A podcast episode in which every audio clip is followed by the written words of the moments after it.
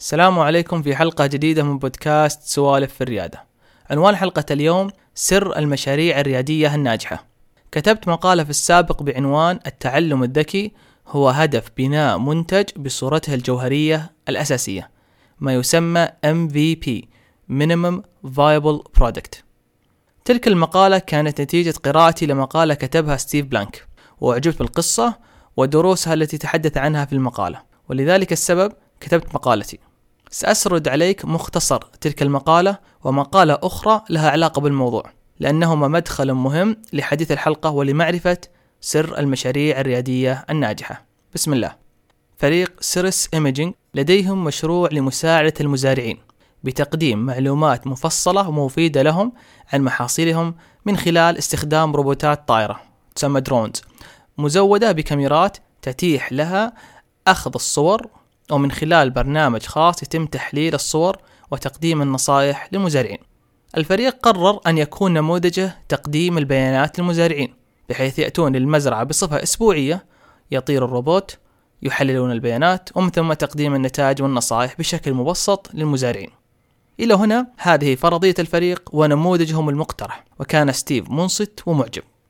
الفريق ذهب وعمل مقابلات مع المزارعين للتأكد من أن لديهم مشروع ونموذج يستحق التنفيذ. المزارعين أبدوا اهتمامهم واحتياجهم للخدمة. إلى هنا هذه ما يسمى مقابلة الفئة المستهدفة والتحقق من جدوى الفكرة. طبعا ستيف كان منصت ومعجب إلى الآن. قرر الفريق عمل نموذج مبسط لتجربة الخدمة على الحقيقة وهي تمثل عمل المنتج بصورته الجوهرية الأساسية ال MVP. الفريق اقترح تنفيذ ذلك كالآتي أولا بتجربة طيران الروبوت ثانيا التأكد من أن البرنامج قادر على جمع الصور بكفاءة وتحليلها ثالثا تقديم النصائح للمزارع. إلى هنا هذا المنتج بصورة الجوهرية الأساسية التي تضمن قيمة عالية للعملاء لحل مشكلتهم بأقل المميزات اللازمة لتحقيق ذلك. ولكن هنا ستيف توقف عن الإعجاب وبدأ بالحديث. سبب أن ستيف توقف عن الإعجاب وبدأ بالحديث لأن الفريق خلط ما بين الهدف من المنتج بصورته الجوهرية الأساسية ومع خطوات تحقيق الهدف. الفريق كان لديه الهدف المناسب ولكنهم أخطأوا في الطريقة المناسبة للتحقق واختبار تلك الفكرة. فرضية الفريق كانت تقديم بيانات يستطيع المزارع الاستفادة منها مقابل مبلغ مالي. انتهينا. ال startup عرفت نفسها ونموذجها على أنها شركة تقدم بيانات فالمزارع لا يهتم هل البيانات تم الحصول عليها من الأقمار الصناعية، الطائرات أو روبوتات الطائرة أو أي طريقة أخرى، المهم أن يحصل على البيانات المفيدة على الفور. لذلك اقترح لهم ستيف الاستفادة من أخذ الصور من عن طريق الطائرات بدلا من بناء روبوتات طائرة، وبذلك تكون أقل تكلفة ومدة لاختبار الفرضية التي هي هل حقيقة بياناتنا مفيدة لدرجة أن يشتريها المزارع أم لا؟ وعلى هذه النصيحة ذهب الفريق للعمل. تقريبا بعد سبعة أشهر من نشر تلك المقالة عاد وكتب ستيف مقالة أخرى عن نفس الفريق وماذا فعلوا في تلك الفترة الماضية. يذكر ستيف أن أشوين وهو أحد المؤسسين قال له عندما عدنا وتحدثنا مع المزارعين مرة أخرى بالفعل لم يهتموا بالكيفية بقدر ما كانوا مهتمين بالبيانات التي سوف يحصلون عليها ولكن المزارعين قالوا لهم شيء حتى ستيف يعترف كانت مفاجأة له. ألا وهي طائرات رش المحاصيل. يوجد تقريبا 1400 شركة متخصصة بطائرات رش المحاصيل في أمريكا ولديهم أسطول طائرات يصل تقريبا إلى 2800 طائرة ويقومون بتغطية 44 ولاية.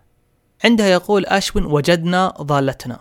يمكننا تركيب أجهزتنا على تلك الطائرات ولم نكن بحاجة لروبوتات طائرة اللي هي درونز إطلاقا. مما يعني أن تلك ال 1400 شركة هي بمثابة قنوات توزيع لخدمتهم يمكنهم التعاون معهم. بدلا من افتراضهم السابق بأن عليهم بناء قنوات توزيع جديدة تتمثل في بناء الروبوتات الطائرة لك أن تتخيل المبلغ الذي قاموا بتوفيره فقط من هذه المعرفة التي حصلوا عليها عندما قابلوا المزارعين وتعلموا منهم. يقول ستيف سألت أشوين كيف وصلت لتلك المعرفة وتأكدت بأن الحل كان في استخدام طائرات الرش بدلا من روبوتات الطائرة. رد أشوين لستيف أن تعلمتنا بأن الحقائق لا توجد داخل المبنى. لذلك تعلمنا أن نعيش مع عملائنا ونحن نعمل معهم الآن وأيضا نعتقد بأن وجدنا business حقيقي. وبعد وبعد هذه القصة الملهمة حان الوقت لأشارك معك سر المشاريع الريادية الناجحة التي بلا شك أن فريق Ceres Imaging منهم. المشاريع الريادية الناجحة هي تلك التي تكتب فرضيات نموذج عملها على تخطيط نموذج العمل هو Business Model Canvas ثم تخرج للعالم وتختبر فرضيات نموذجهم كما فعل فريق Ceres Imaging. وتختبر النموذج بطريقة ذكية وفعالة بحيث تتحقق من فرضيات نموذجهم بأقل الموارد. تذكر قصة فريق Ceres عندما أرادوا اختبار نموذجهم باستخدام الروبوتات الطائرة. ونصحهم ستيف بأن يعتمدوا على الطائرات. ولكن أولا كان عليهم أن يتحدثوا مع المزارعين. ومن خلال تلك المقابلات توصلوا لعدة أمور منها أن المزارع لا يهتم بالكيفية التي يحصل عليها البيانات. ثانيا لماذا لا تستخدمون طائرات رش المبيدات؟ إلى أن وصلوا إلى بوادر تؤكد وجود نموذج عمل ممكن أن يكون قابل للنمو والاستمرار وهي بكل تأكيد مهمة أي مشروع ريادي.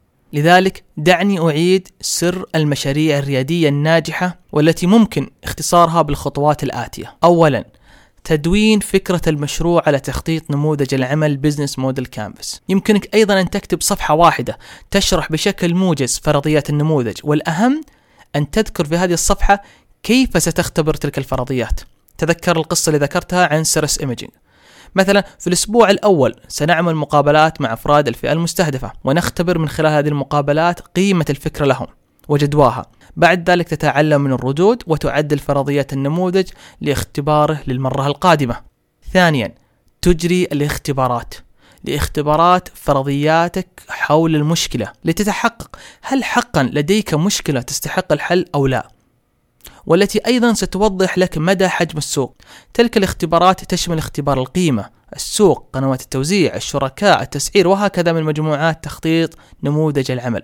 الهدف هو تحويل تلك الفرضيات لحقائق من خلال تلك الاختبارات أو تجاهلها في حال أن فرضيات نموذجك غير صحيحة واستبدالها بتلك التي تعلمتها من الاختبارات وإعادة المحاولة مرات عدة.